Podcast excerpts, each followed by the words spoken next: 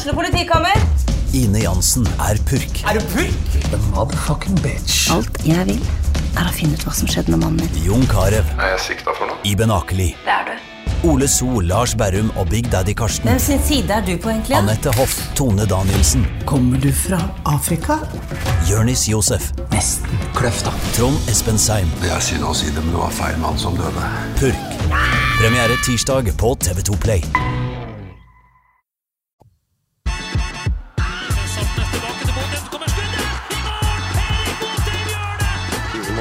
For us than for Bodo boys.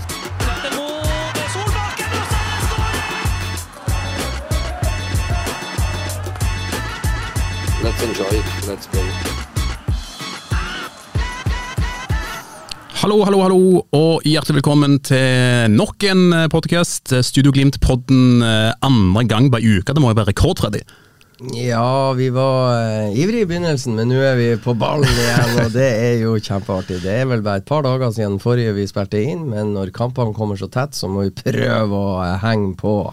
Du, Det er mm, dagen derpå, etter at eh, Glimt har uh, sikra seg eh, en plass i playoffen til Champions League.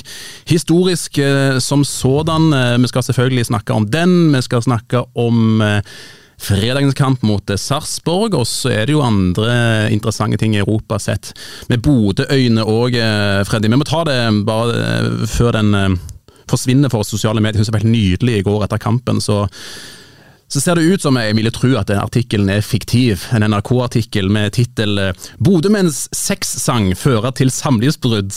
Det er altså en eh, svært eh, økende antall kvinner i Bodø-området som oppgir en sang under sex som utelukkende årsak til samlivsbrudd.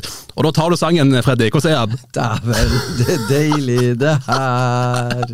Dæven, det er deilig det her. Ja.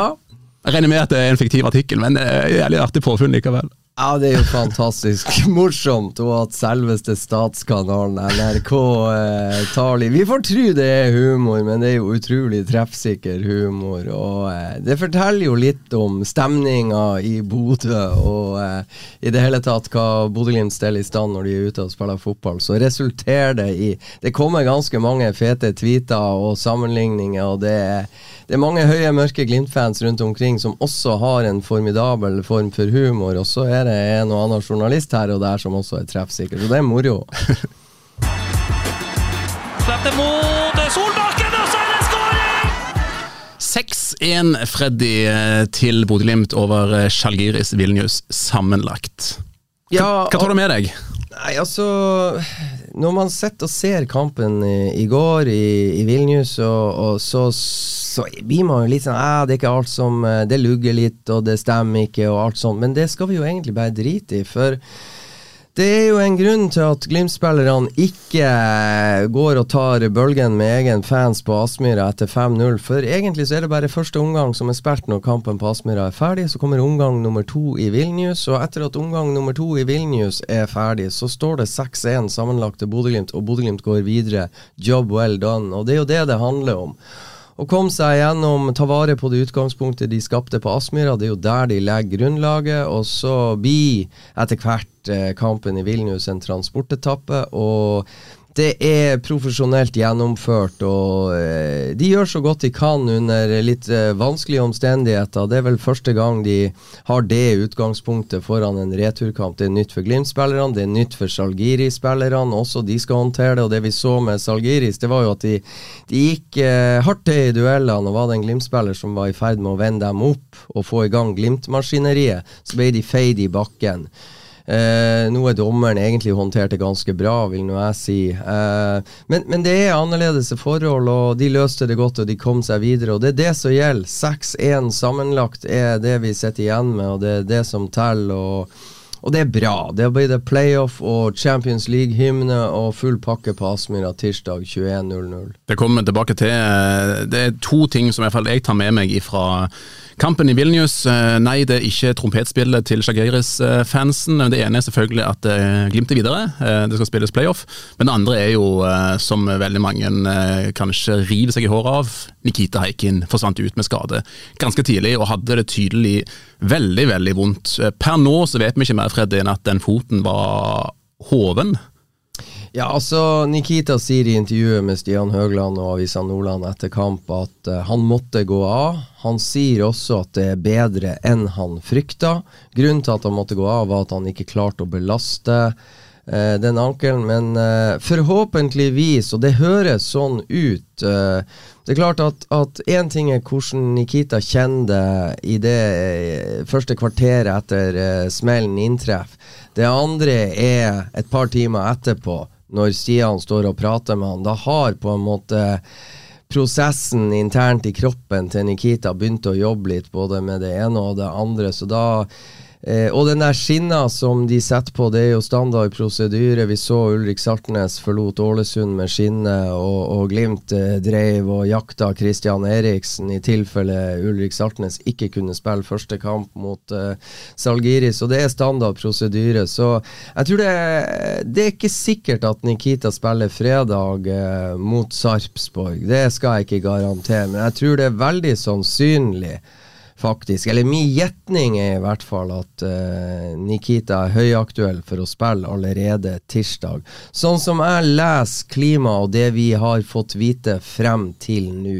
Og så vil jo denne situasjonen utvikle seg i den ene eller den andre retninga fra time til time til time fremover. For skaden er altså, for de som ikke har sett det, det er jo at denne Shagiri-spilleren eh, sklir ganske stygt eh, med knottene først, og han treffer vel, treffer rett i leggen eller ankelen, eller? Det ser for meg ut som han treffer rett på utsida av ankelen til Nikita Haikin. Den er stygg, ja, og jeg ser at Joa Mankwa i TV 2 mener at det er soleklart rødt. Uh, og, og, her har vi litt sånn uh, jeg, jeg tenkte tanken jeg òg i studio og sa at det der minner om Rødt. Og Trond Olsen er fotballspiller og er ikke enig i det. sånn at det er vel en litt sånn skjønnsmessig komplisert situasjon å lese. Noen dommere dømmer kanskje rødt, andre nøyer seg med gult. og Eh, fasiten er vel eh, litt sånn flytende akkurat der. Nikita var eh, krystallklar. Disgraceful tackle. Og, og eh, det syns jeg han skal ha lov til å mene. Uh, han uh, fullfører Nikita på vei den ene veien, og, og Francis Kyrie med på vei mot, ikke sant. Så, men han kommer jo inn med strake knotter, og på en måte Det kan se ut, hvis du er litt sånn gul i øynene, at han planta ei lita stempling rett på ankelen til eh, Nikita.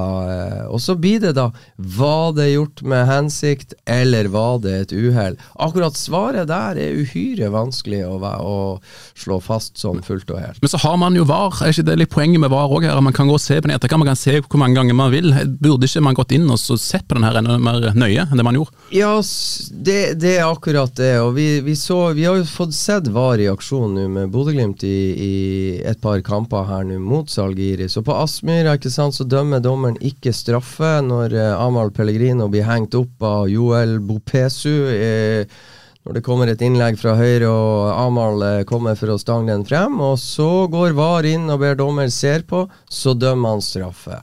VAR gikk jo også inn Bodø-Glimt fikk jo straffe også i går. Eh, var uh, dommer dømmer straffe og gult. Interessant, ikke sant? For han skal ikke ha dobbel bestraffning når det blir straffe. Ok, da gir jeg gult. Uh, den regelen syns jeg faktisk er fin. Så går VAR inn, så viser det seg at det er 20 cm utafor uh, 16-meteren. Dommer går, blir kalt til skjermen, ser, vurderer, må dømme frispark. Men da blir det rødt kort på Mamic, Petar, den gode som eh, må forlate banen. Så der gjør jo VAR rett i forhold til regelverk. Det samme ser vi også på Joel Mvukas i utligning. Eh, linjedommer vifter for eh, at Salvesen er i offside når Ulrik Saltnes eh, spiller han igjennom etter ei fantastisk gjenvinning av Amahl Pellegrino før Ulrik får ballen. Så eh, Jeg hyller det. Jeg, altså, jeg elsker det. Jeg syns, det VAR er så forbanna bra. Jeg gleder meg til det kommer til Eliteserien. Det fungerer så bra det har gjort på de to kampene her nå. Jeg syns det gjør fotballen bedre, rett og Ja, og så, så, så lurer jeg meg på om det er noen sånne regelmessige ting vi egentlig ikke helt, eller jeg ikke vet, som er årsak da til at når dommer tar den avgjørelsen han gjør etter 15 minutter i, i situasjonen med Nikita og Kiereme, at ikke VAR kaller han ut. Jeg tipper det at de som sitter i VAR, vurderer det sånn at det der ikke er tilsikta. Derfor kaller de ikke dommer til seg. Hadde VAR, vi, de som sitter i bussen og ser på bildene, meint oppriktig at det der er over streken, det er rødt, dette er dommer, hei, hei, dette må du se nærmere på. Så tror jeg de hadde gjort det. Men, men det kan være noe sånn Av og til, ikke sant, hvis dommeren tar en avgjørelse sånn og sånn, så lar de det. Og at det er gitte situasjoner som f.eks. scoring, offside, eh, eller ikke, og en sånn konkret straffesituasjon. Men jeg kan ikke regelverket fullt og helt i forhold til hva som blir tatt og ikke. Faktum er uansett at eh, Nikita Haikin måtte ut, eh, og du sier Freddy at det kan være en treff litt rundt ankelområdet. Altså, hva type skade er det man snakker om her, tror du? Hva er, hva er faren, hva kan man risikere, sånn erfaringsmessig og generelt? Nei, altså Er det ankelen og en støtskade, en smell eh, Vi får håpe at det ikke er Det kan være avrevet leddbånd. Det kan være eh, en eh, bruddskade. Jeg tviler på det, for eh, jeg tviler på at det er bruddskade. Eh, men er det et leddbånd, eh, er det avrevet, så er det jo game over for en stund. Men ankler, er, der er det litt individuelt. For det er, går an å kjøre i litt eh, tabletter, og det går også an å tape opp for å stabilisere hvis et leddbånd har fått seg en kakk. Så det handler om å få hevelsen ned og få gjort en grundig undersøkelse og få det er et strekt leddbånd, eller det er en støtskade i et leddbånd som gjør vondt, og det er noe som ligger i klem som gjør at det at eh, Nikita har vondt. Og da går det på spillers egen smerteterskel, det går på medisinering, og det går på å få teipa opp. Og jeg er jo en lidenskapelig følger av amerikansk fotball, og jeg ser der teiper de opp ganske mange quarterbacker som har fått seg en smell på standfoten underveis i kampens hete, og de fullfører kampen. Og, og, så det er litt individuelt, men jeg tror eh, jeg tror fort Nikita Haikin eh, vil ha med seg det som skjer på Aspmyra. Tirsdag så er min gjetning her og nå, har vi sett, det at han spiller. Men jeg er ikke sikker på at han Det kan hende han ofrer Sarpsborg 08 for å få med seg eh, det som skjer på Aspmyra tirsdag. Han klarte jo trøbefoten sånn umiddelbart etterpå. altså Han spilte jo eh, noen minutter til etter at skaden inntraff. Han gikk ikke umiddelbart ut, han tok et utspark òg eh, med den foten kort tid etterpå. så eh, Hadde det vært noe brudd, så er ikke sikkert han hadde klart det. Mens innrømmer han jo etter kampen, så du sier jo at han ikke klarte å trø på han, og da har jo hevelsen begynt å komme. Ja, og så må vi huske på at min far er kirurg, og det er ikke jeg, så han kan litt mer om de tingene enn meg. og Vi er ikke leger, verken jeg eller du, men vi må tolke lite grann. Og, og det Ja, så eh, jeg holder på det at uh, tirsdagen er i aller høyeste grad i spill med det jeg vet nå. Ikke minst eh, Nikita var eh, både smilende og blid eh, i intervjuet med Stian Høgland. Så var han eh, synlig pissed når han beskrev situasjonen og var nådeløs mot eh, Francis Kiereme. Eh, men i etterkant av at han var litt sur der, så var det både smil og det ene med det andre. Og jeg tror ikke Nikita Haikin hadde vært så blid i det intervjuet med Stian som faktisk var. Han spøka og 'Hei, kan ikke du komme til meg? Jeg er jo skada', og tjo og hei når han kom med krøkkene. Hadde han frykta veldig for at dette blir langvarig, så tror jeg han hadde vært langt mer nedbrutt enn han eh, viste seg i Vilnius i går etter kamp. Og så er det jo naturlig å, å se litt nærmere på det som skjer når Nikita går ut, for da kommer det jo naturlig nok en eh, ny keeper inn. eh, Debutant Julian eh, Feie Lund. Eh, ikke det verste å debutere for en ny klubb i Champions League-kvalifisering. Hvordan syns du han klarer seg sånn rent overordna fra deg? Nei, jeg syns ikke Altså, han blir kasta inn til vi kan si til ulvene, men eh, 15 minutter ut i kampen. Men det skal jo være veldig trygt, da, når eh, du vet at laget ditt leder 5-0 allerede. Så, så, det er jo ikke noe grunn til å, å bli så veldig eh, Få hjertet så veldig opp i halsen. Men, eh, men det er nå noe med den der å, å ikke få den, eh, den oppvarminga som du kanskje pleier å ha når du starter en kamp. Men jeg syns han virker litt, eh, litt usikker, og, og, er jo ny i klubben og kjenner ikke lagkameratene så godt. Og det viste seg også på 1-0-målet til til Salgiris. Det blir en liten eh, misforståelse mellom Isak Helstad Amundsen og eh, Julian Faye Lund. Og det er jo sånne ting som man sånn, Litt sånn kommunikasjonssvikt og litt sånn man tolker Julian eh, tolker den på én måte, og Isak tolker den på en annen måte. Og Isak kunne jo både bare ha stanga, stupt frem og stanga ballen til corner. Han velger å stole på keeper og er sikker på at keeper tenkte det samme som han og slipper den, og så er ikke Faye Lund med på det, da. og så ligger det en fra Salgiris på, på bakre og får lov å tuppe han inn i, i, åpent mål. Så det er jo en liten sånn kommunikasjonssvikt. Men jeg syns heller ikke han var Han har ei utboksning i, i, feltet som går rett opp, og som resulterer i en liten ja, det ble jo egentlig en ganske stor sjanse, for det blir jo et brassespark som Isak Amundsen kunne hedda i eget mål. Han hedda den heldigvis over. Den utboksinga treffer han ikke helt på, i timinga og, og, og alt. Og så er han jo ikke like sikker som uh, de tidligere Glimt-keeperne, både Ricardo Friedrich og også Joshua Smiths og Nikita, med E med ballen, har fremstått over tid i Bodø-Glimt med ballen i beina.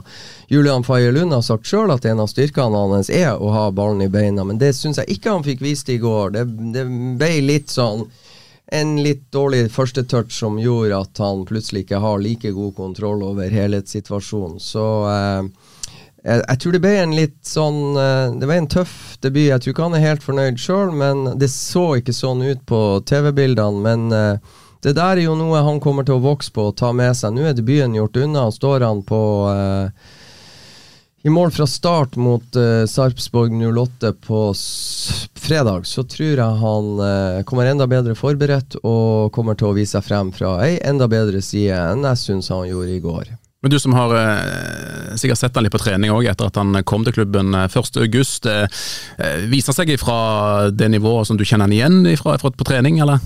Nei, vet du, når Glimt trener, så, så eh, Sånn som de har trent nå, så, så driver keeperne og holder på til høyre, og så driver spillerne og holder på til venstre. Jeg skal innrømme, jeg har hatt øynene mest på spillerne, utespillerne. Ola Solbakken, hvordan ser steget ut, hva gjør han, hvor stor belastning har han? På, på seg, kommer Brede ut, hva gjør Brede, osv. Så, videre, og så, videre. så jeg har hatt blikket de treningen jeg har vært på, så jeg hatt blikket mer til venstre enn jeg har hatt til høyre. Så jeg vet at Julian Faye Lund er en god keeper. Jeg vet at Julian Faye Lund kommer til å ta steg under Jonas Uland Kolstad sine sitt ansvar. Og, og, det Jonas har gjort med Ricardo Friedrich og Nikita Haikin, det er formidabel utvikling på begge de to. Spesielt med Nikita Haikin, men jeg tar også med Ricardo Friedrich. Han forlot Bodø-Glimt som en mye bedre keeper etter å ha jobba med Jonas. Utviklinga til Nikita Haikin, som faktisk har spilt seg inn i den russiske landslagstroppen da Russland fikk lov å drive på med landslagsfotball, det er helt utrolig. Og, og, jeg så også at Joshua Smith ble bedre og bedre og bedre. Og han blir altså henta til Wilhelm Sveien, en ganske stor klubb i Nederland, og starta i serieåpninga i helga og er førstekeeper der. Så Julian Faye Lund kommer til å bli bedre under Jonas sine vinger, og så får vi se hvor lang tid det tar, da.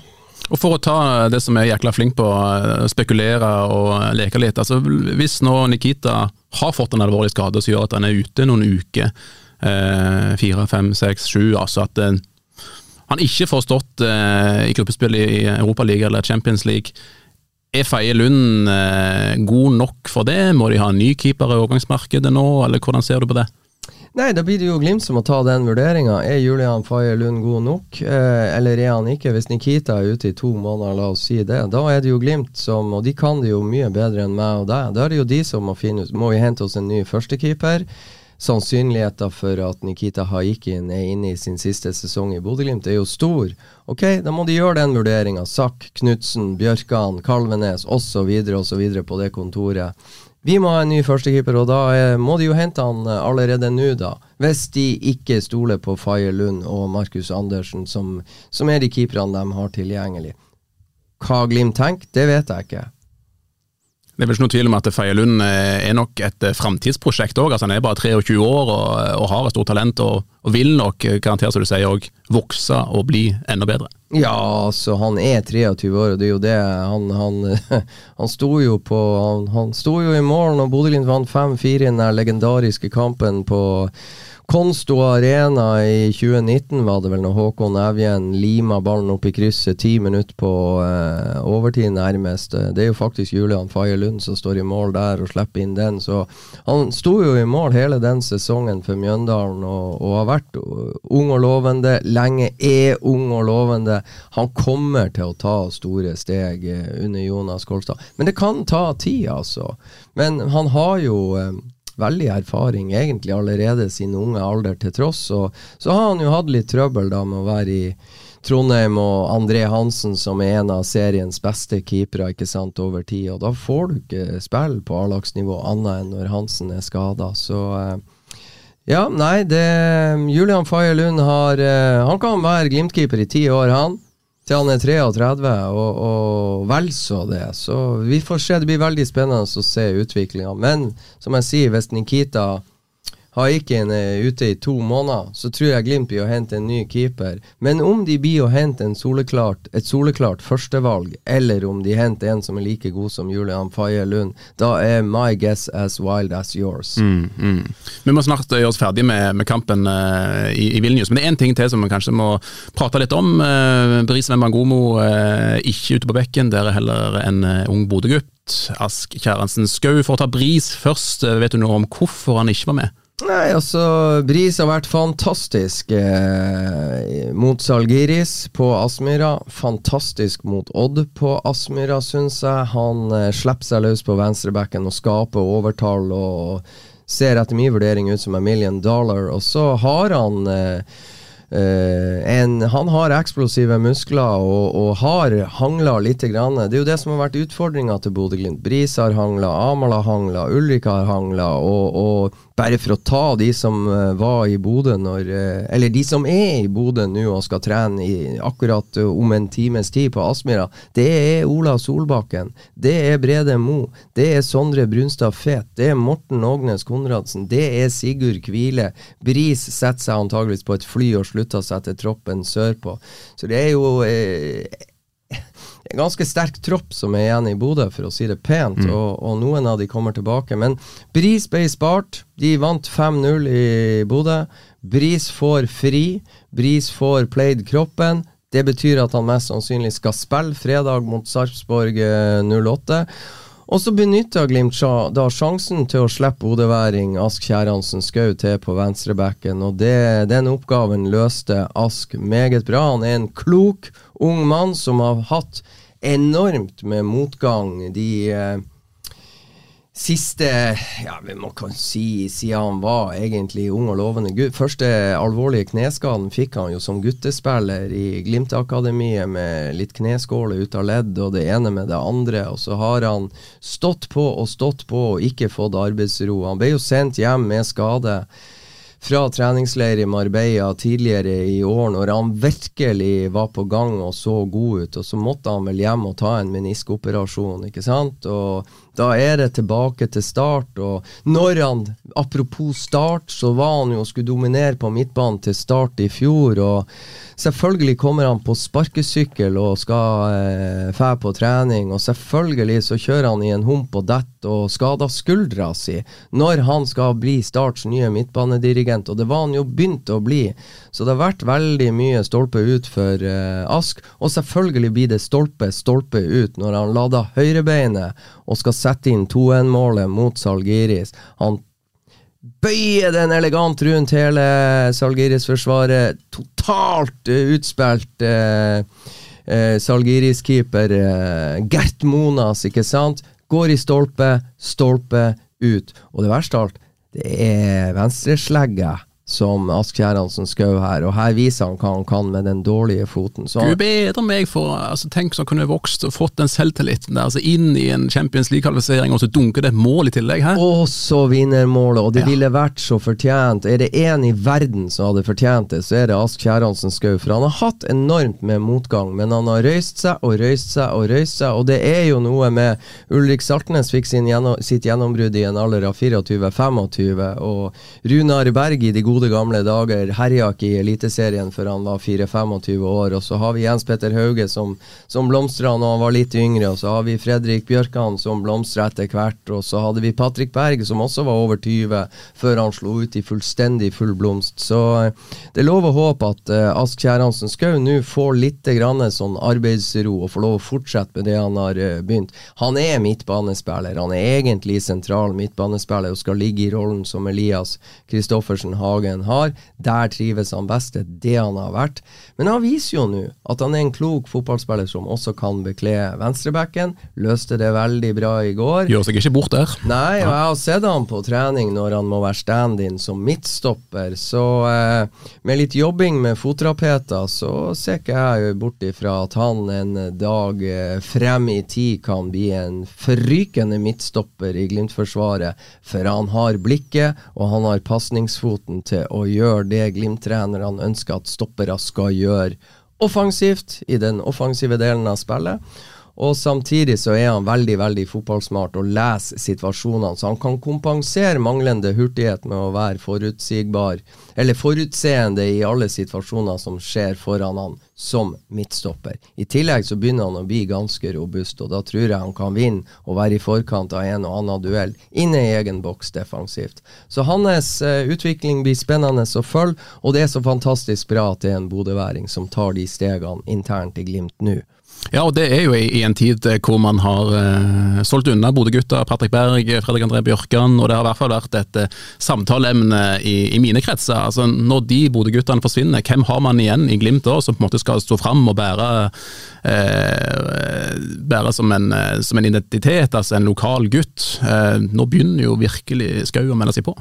Ja, og det er veldig bra. For hvis du følger B-laget til Bodø-Glimt, så eh, er det sikkert en del unge lokale gutter der. Og det er også gutter som kommer andre steder fra i Nord-Norge og andre steder i landet. Men uten hjelp fra spillere på A-laget, så gjør jo ikke disse B-laget til Bodø-Glimt noe annet enn å tape kamper på nivå 3, et nivå Junkeren vinner alle sine kamper. Så det er klart A-laget til Bodø-Glimt er blant Norges beste. De skal spille historisk playoff, så det er enorme steg å ta. Men det er jo ikke noen andre som kan gjøre jobben for disse talentene som kommer opp, enn dem sjøl.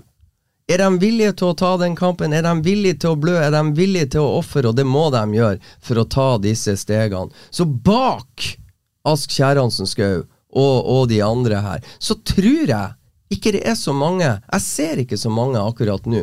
Men det, det blir opp til akademiet i Bodø Glimt å vise at jeg tar feil. Men så må vi jo bare glede oss over, og, og det lurer jeg på.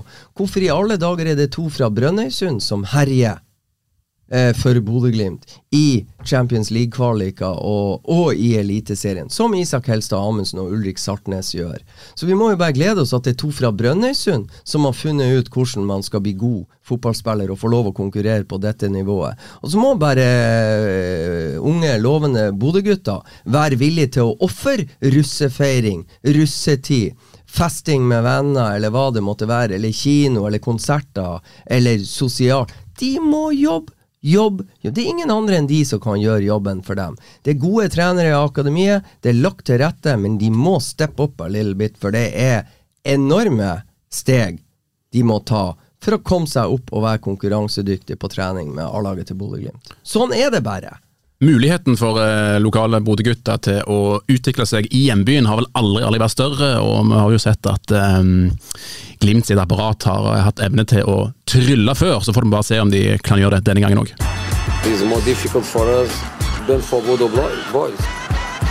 Ja, Vi får se om det blir noe gjensyn med José Mourinho denne europasesongen òg. I hvert fall ikke i første omgang, for det er Dynamo Zagreb som er det siste hinderet på veien Freddy, mot eh, et eventuelt Champions League-gruppespill. Eh, de spilte mot eh, Ludogorets i sin kamp, en kamp eller oppgjør som de vant ganske greit. 6-3 sammenlagt.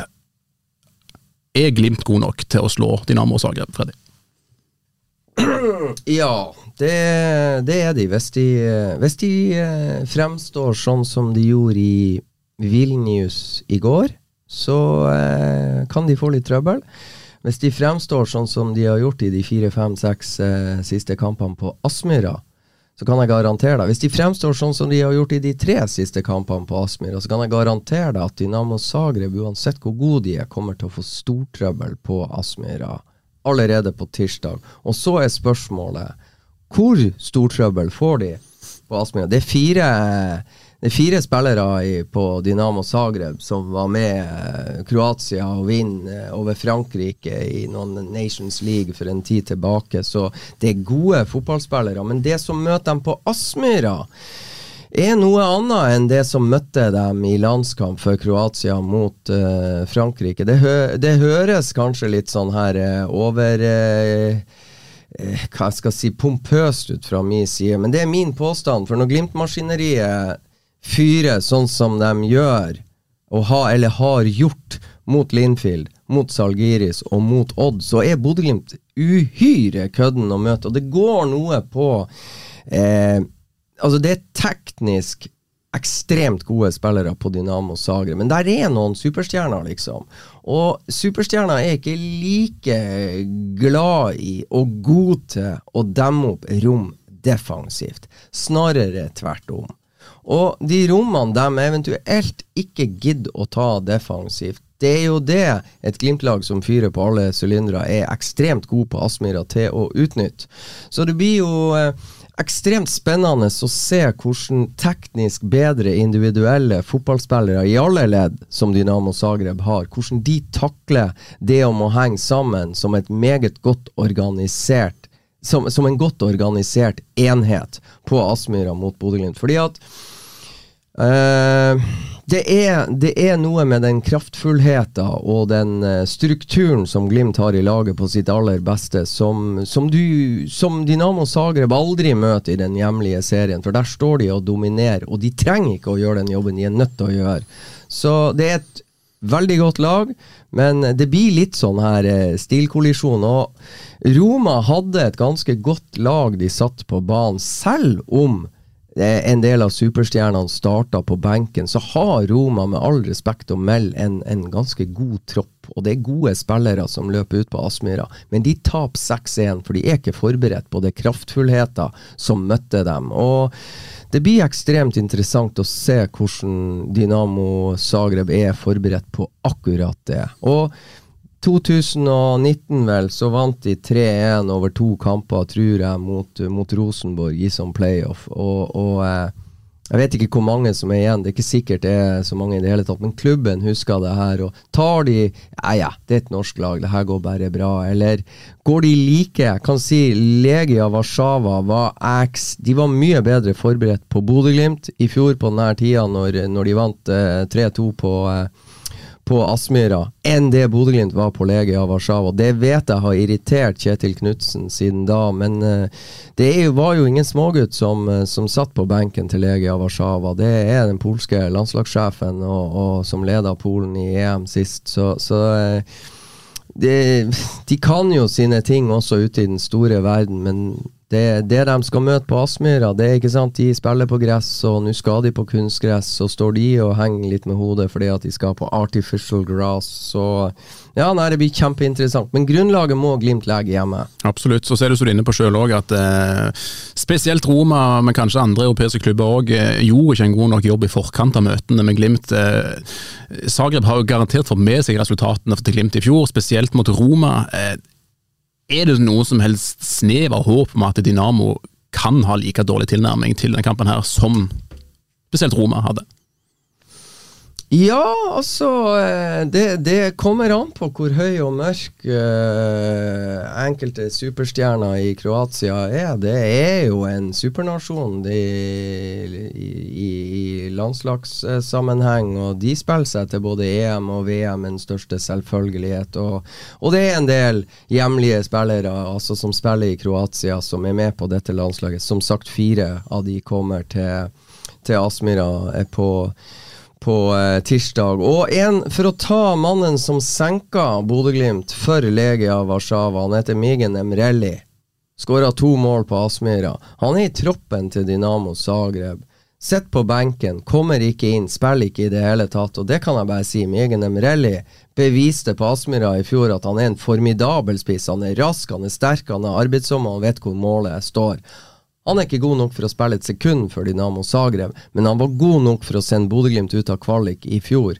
Så det er jo et interessant bilde på hvilket lag som, eh, som skal, skal, møte oss. Absolutt. Så, eh, og så er det jo eh, hjemmekamp først. Det er tirsdag førstkommende klokken 21.00. Det smeller på Aspmyra. Hvor stor er den fordelen med å få den hjemmekampen først? Ja, altså det viste seg å være en fordel eh, nå i forhold til møtet med Salgiris. Eh, Glimt sa game set en match egentlig i kamp én, og eh, de la alt av grunnlag og var på en måte, hadde i hvert fall én fot eh, videre. Og fra da Dynamo Zagreb, jeg tror de ble nummer to i Europa League eh, i fjor i si gruppe, var bare Westham som kom foran de. Det er i fjor. Så de var med og, og kosa seg på eh, dette nivået i fjor, de. Eh, nei, eh, for Glimt så er det en eh, Tror jeg de anser det sjøl som, som, en fordel å få muligheten på Aspmyra. Men de starta hjemme mot Lege Warszawa og tapte 3-2, og så ble det 0-2 borte i, i Warszawa etterpå. Så, men den tryggheten som Glimt har på Aspmyra, det jeg tror, Du må spille eh, hjemme, og du må spille borte. Og i min verden så tror jeg det egentlig er hipp som happ. Det burde være det, for du vet du vet at du må spille begge plassene. Men eh, Glimt har muligheten på Aspmyra, ingen tvil. Hvor god margin eh, må Glimt ha før returmøtet for at du skal være trygg på at det blir Champions League?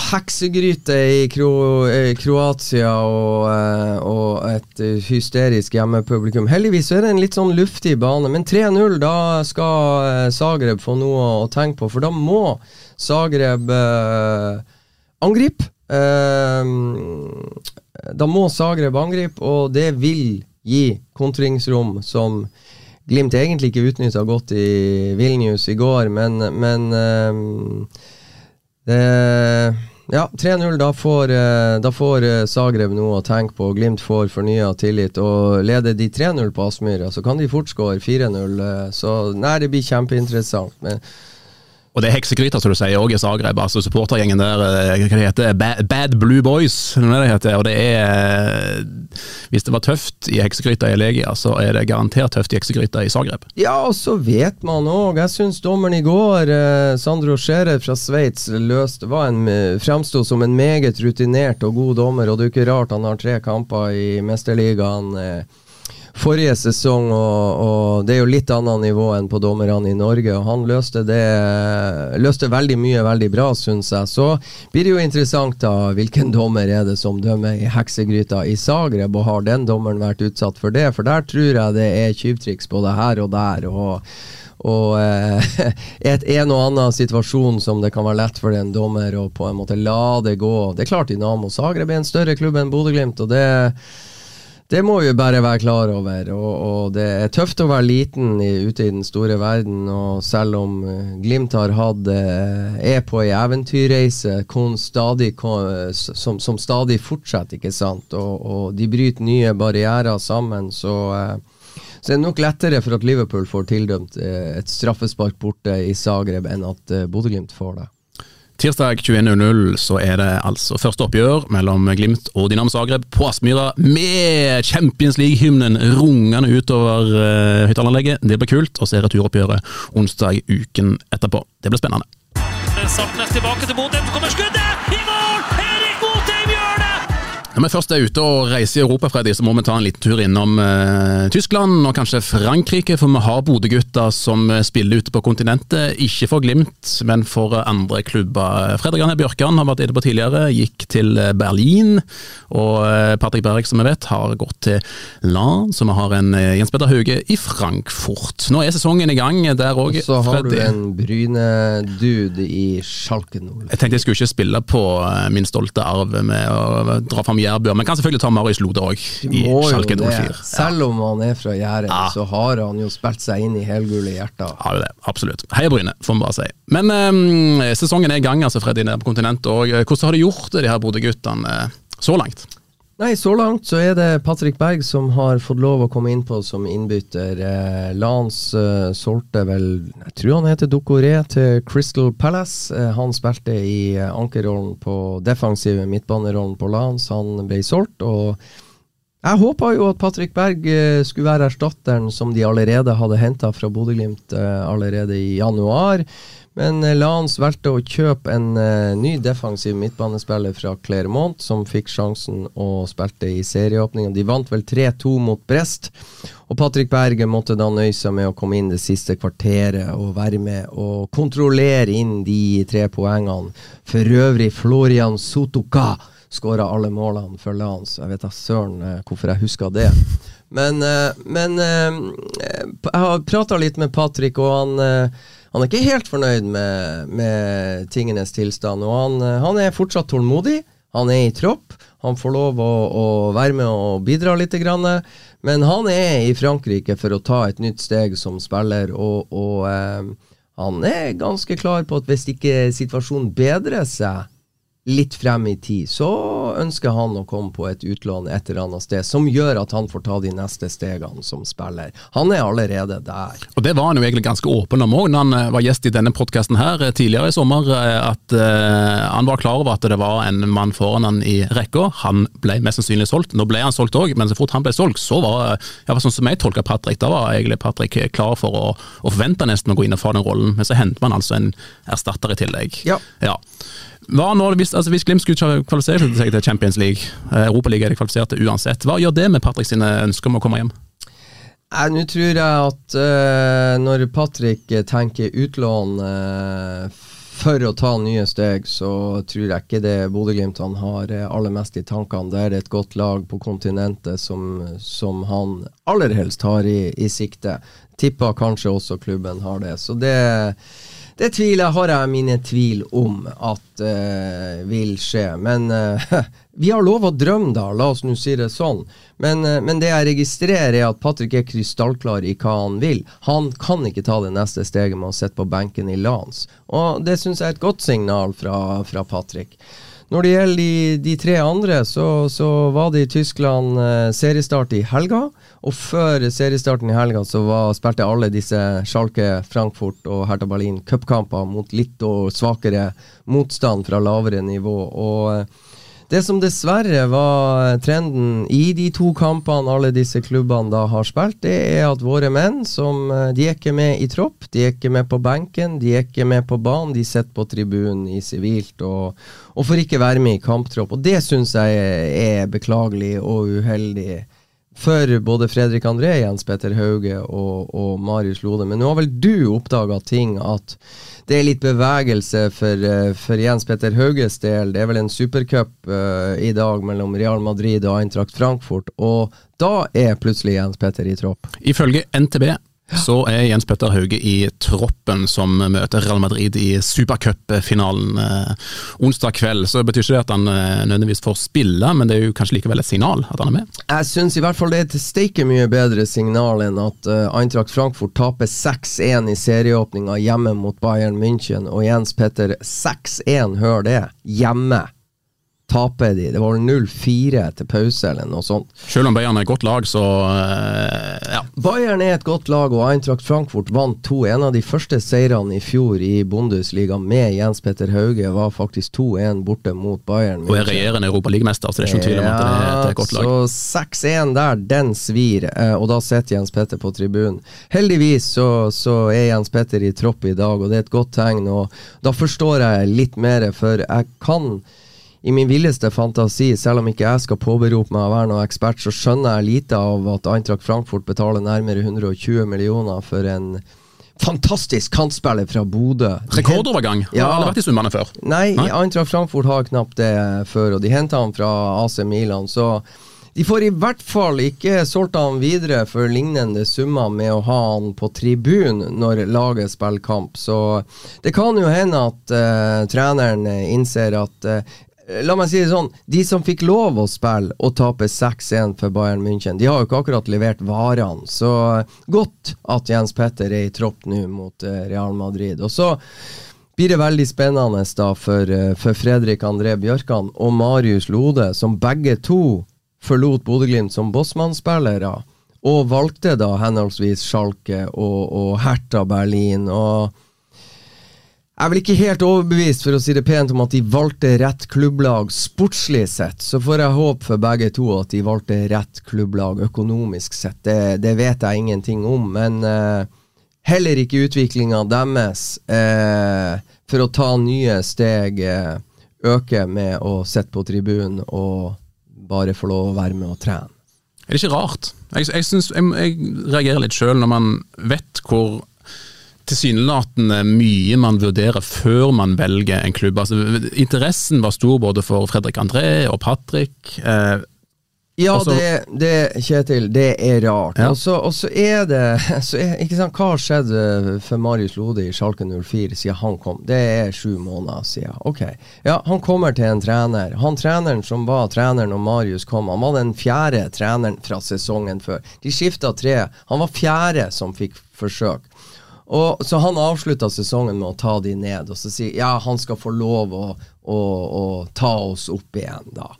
Han får jo fyken et par måneder etter at Marius Lode kom. Så kommer det inn en assistenttrener, ikke sant. Han overtar, og, og det blir ny Altså, det, det er jo så mye Hopp over til Hertha Berlin. Treneren til, som henta, eller var hovedtrener når Fredrik André kom. Han får fyke nesten med en gang. Felix Magath kommer inn, leder laget ut sesongen. Så er det en ny trener som kommer inn. Trener nummer tre på sju måneder som Fredrik Bjørkan skal ha å håndtere. Ja ja, kanskje han første likte Fredrik André Bjørkan. Kanskje Felix Magath ikke likte Fredrik André Bjørkan. Og kanskje han nye treneren som er kommet nå, fortsatt ikke vet hvem Fredrik André Bjørkan er. men Fredrik André blir vel ikke en dårligere spiller av at det kommer en ny trener? Han er vel like en god spiller selv om det kommer en ny mann inn?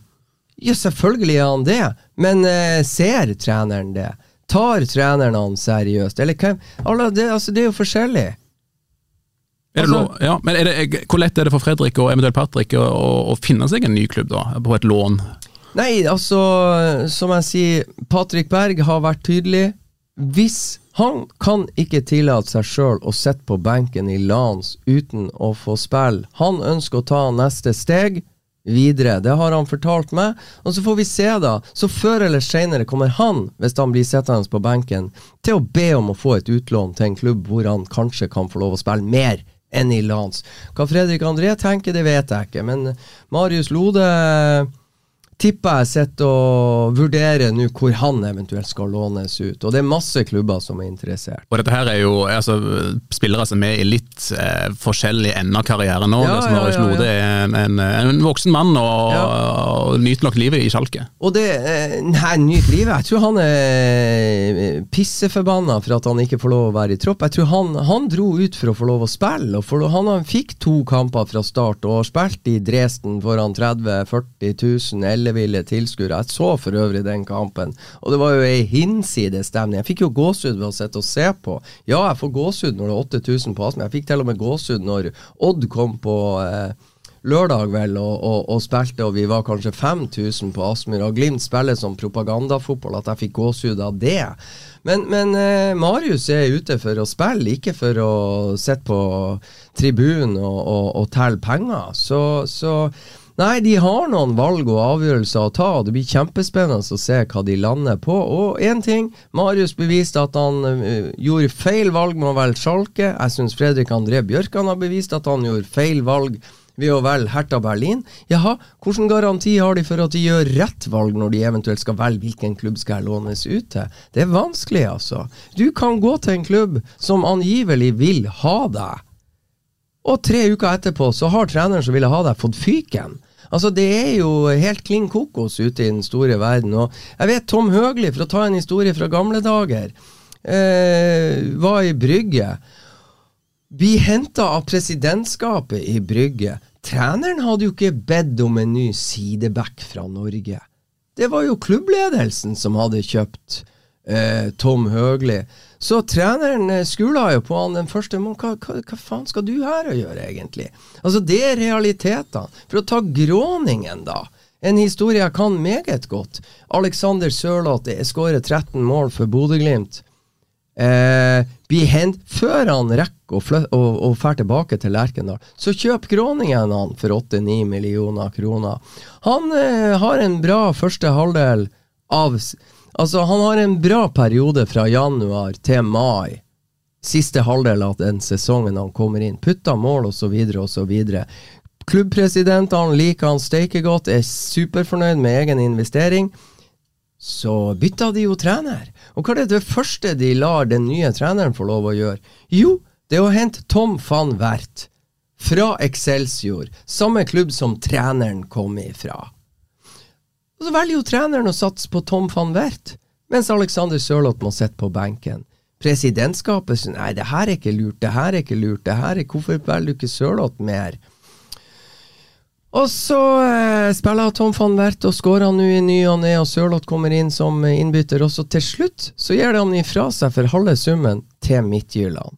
Så er han ett og et halvt år i Midtjylland. Så selger han videre til Crystal Palace for 100 millioner. Tror du Gråningen føler seg kjempelur? Mm.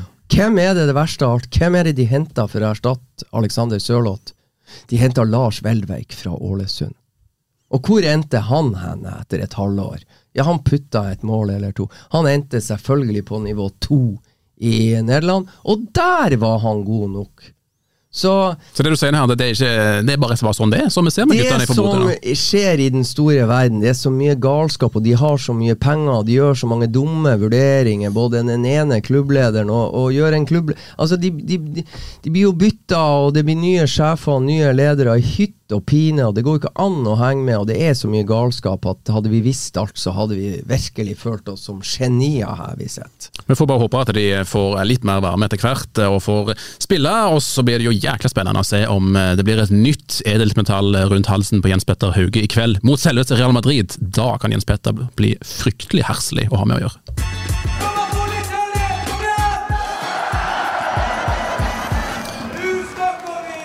Kampene kommer tett som hagl. Allerede fredag så venter Sarpsborg 08 for eh, Bodø-Glimt. Freddy, hva kan vi forvente der?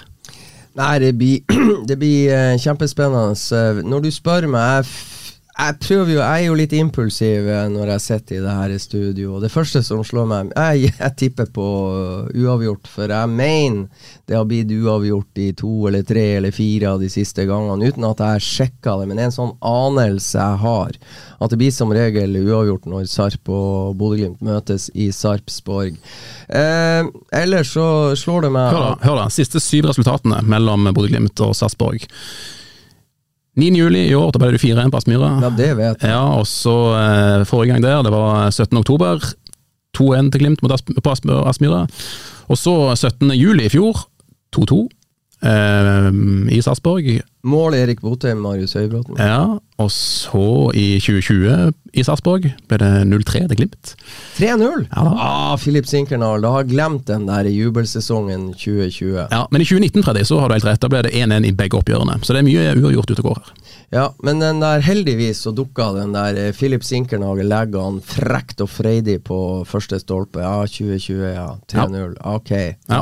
Så da endrer du det? Da blir det 20 uavgjort? Nei, altså Jeg er fortsatt på en liten uh, uavgjort i utgangspunktet, men jeg håper jo uh, selvfølgelig at jeg tar feil, som jeg gjorde når jeg tippa uh, her, og du kommer med fasiten. Men det er interessant, for Sarpsborg kom til Bodø og tok ledelsen 1-0 etter ett minutt med Steffen Lie Skålevik. Bodø-Glimt snudde og vant 4-1. Siden det Det var starten på en steike dårlig periode for Sarp. De har tapt da fem kamper på rad.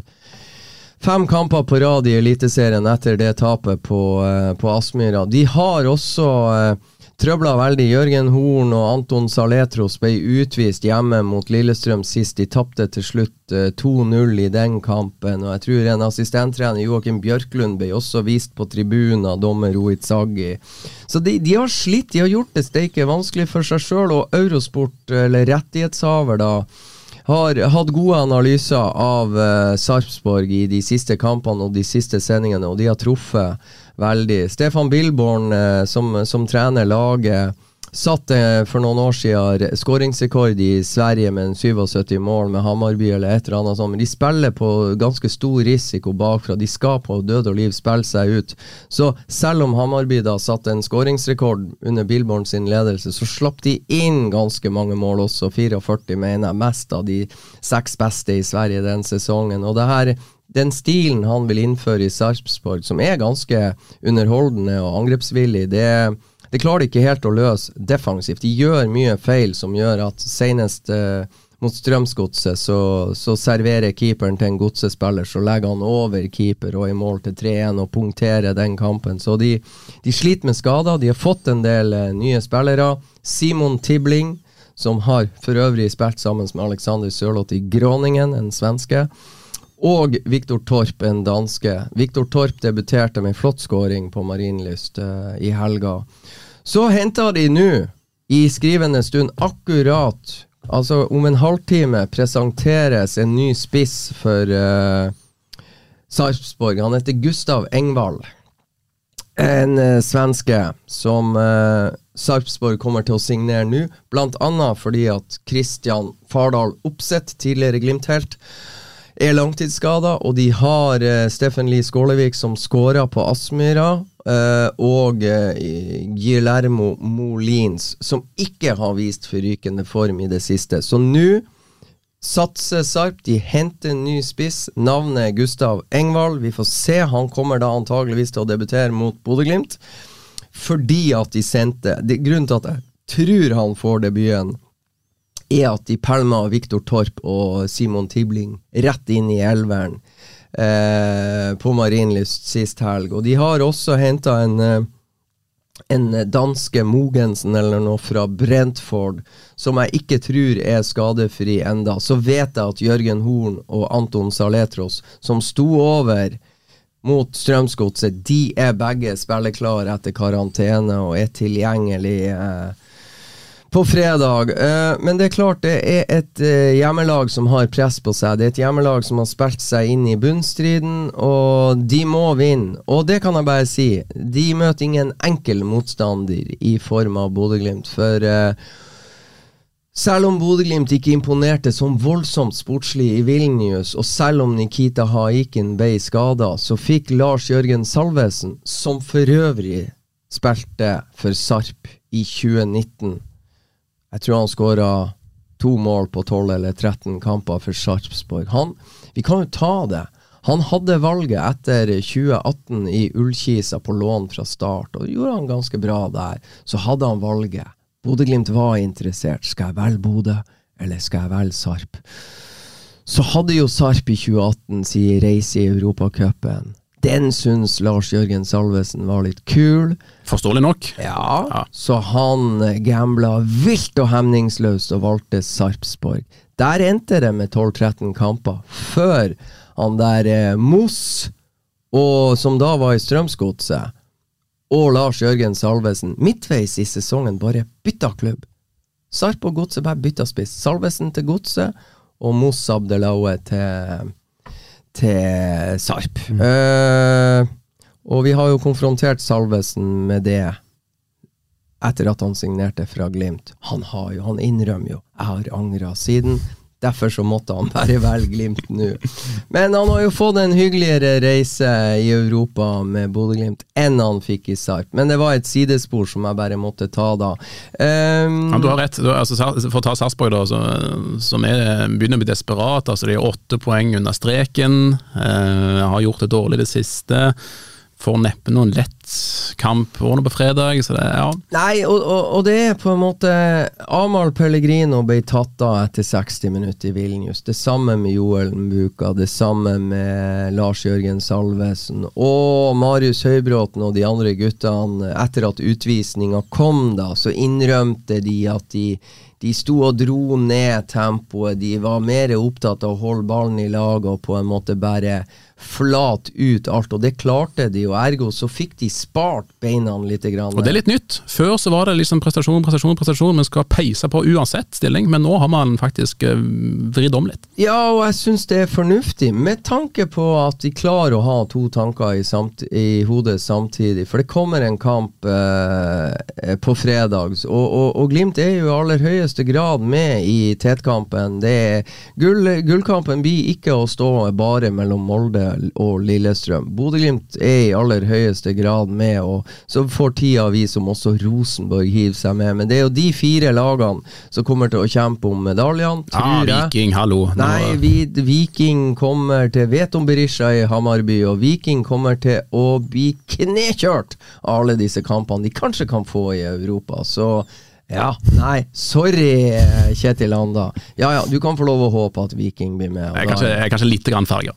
Ja, men det har du lov til. Eh, nei, men uh, Glimt fikk ei grei Glimt-spillerne fikk ei grei reise, og så får Bris Wembangomo ei grei reise ned til Sarp og slutta seg til den troppen der. Og så, så får jeg håpe at Glimt bruker denne kampen til å fyre på seg enda litt mer selvtillit. Kødde litt med Sarpsborg, få på seg litt selvtillit, spille litt eh, propagandafotball, så er de klar på tirsdag. For ingenting vil være bedre, eller ingen oppladning vil være bedre enn at Bodø-Glimt tar med seg tre poeng på flyet fra Gardermoen til Bodø, for så å starte oppladninga til det som skjer på Aspmyra tirsdag. Men er ikke det et lite bananskall òg, da, Sarpsborg nå? Altså, Man kommer fra Vilnius, eh, har vunnet 6-1 sammenlagt. Eh, man vet man skal høre Champions League-hymnen på Aspmyra, det ligger et gruppespill i potten, og så skal man liksom dra til, eh, med all respekt, eh, lille Sarpsborg for å prøve å hente poeng der.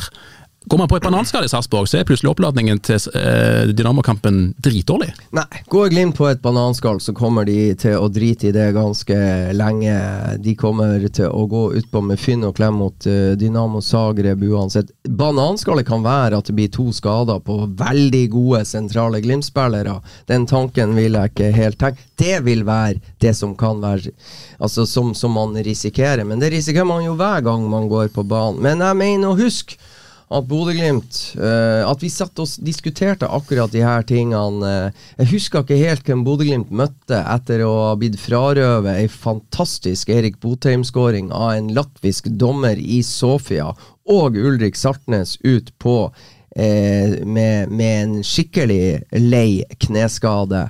Så er det rett tilbake til Norge og ny kamp på søndag, og jeg mente Bodø-Glimt leverte med fynn og klem. En av kampene jeg frykta veldig i fjor, etter en sånn europacup-jubelkveld på torsdag, var Lillestrøm på Åråsen.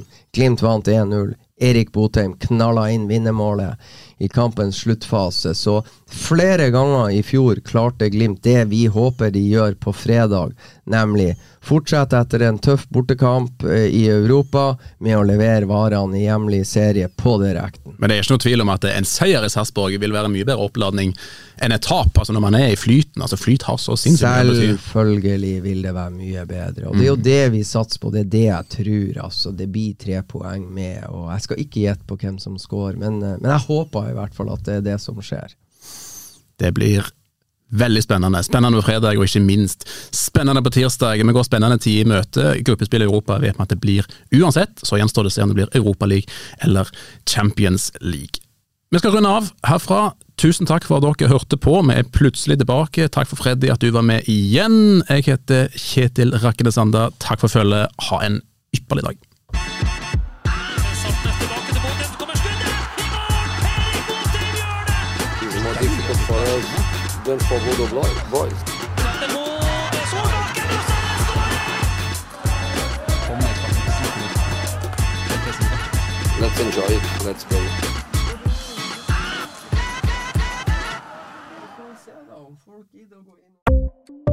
Ukens annonsør er HelloFresh. HelloFresh er verdens ledende matkasseleverandør og kan være redningen i en travel hverdag. Mange av oss har nok vandret i butikken både sultne og uten en plan for middagen, som ender med at vi går for de samme kjedelige rettene gang på gang. Middag burde være dagens høydepunkt. Som HelloFresh kan du nå velge mellom 25 ulike retter hver eneste uke, eller få HelloFresh til å sette sammen menyen for deg. Dette gir deg muligheten til å prøve nye og spennende retter alene eller sammen med familien. Du velger antall porsjoner og får alt levert på døren på et tidspunkt som passer for deg. Oppskriftene er enkle, og maten er lett å lage både for store og for små. Ved å få alt levert hjem får du også mer tid til å dele matgleden med familie og venner. Kanskje det frister med asiatiske tacos eller greskinspirert kylling? Da kan jeg anbefale deg om å gå inn på hellofresh.no. Her kan du bruke koden FOTBALL og få opptil 1779 kroner i rabatt på de første fem matkastene hvis du ikke har prøvd HelloFresh tidligere. Du kan også bruke rabatten hvis du har vært kunde og stoppet abonnementet ditt for tolv måneder siden eller lengre. Gå inn på hellofresh.no og bruk koden FOTBALL. Har du et enkeltpersonforetak eller en liten bedrift? Da er du sikkert lei av å høre meg snakke om hvor enkelt det er med kvitteringer og bilag i fiken, så vi eh, gir oss her, vi. Fordi vi liker enkelt. Fiken superenkelt regnskap.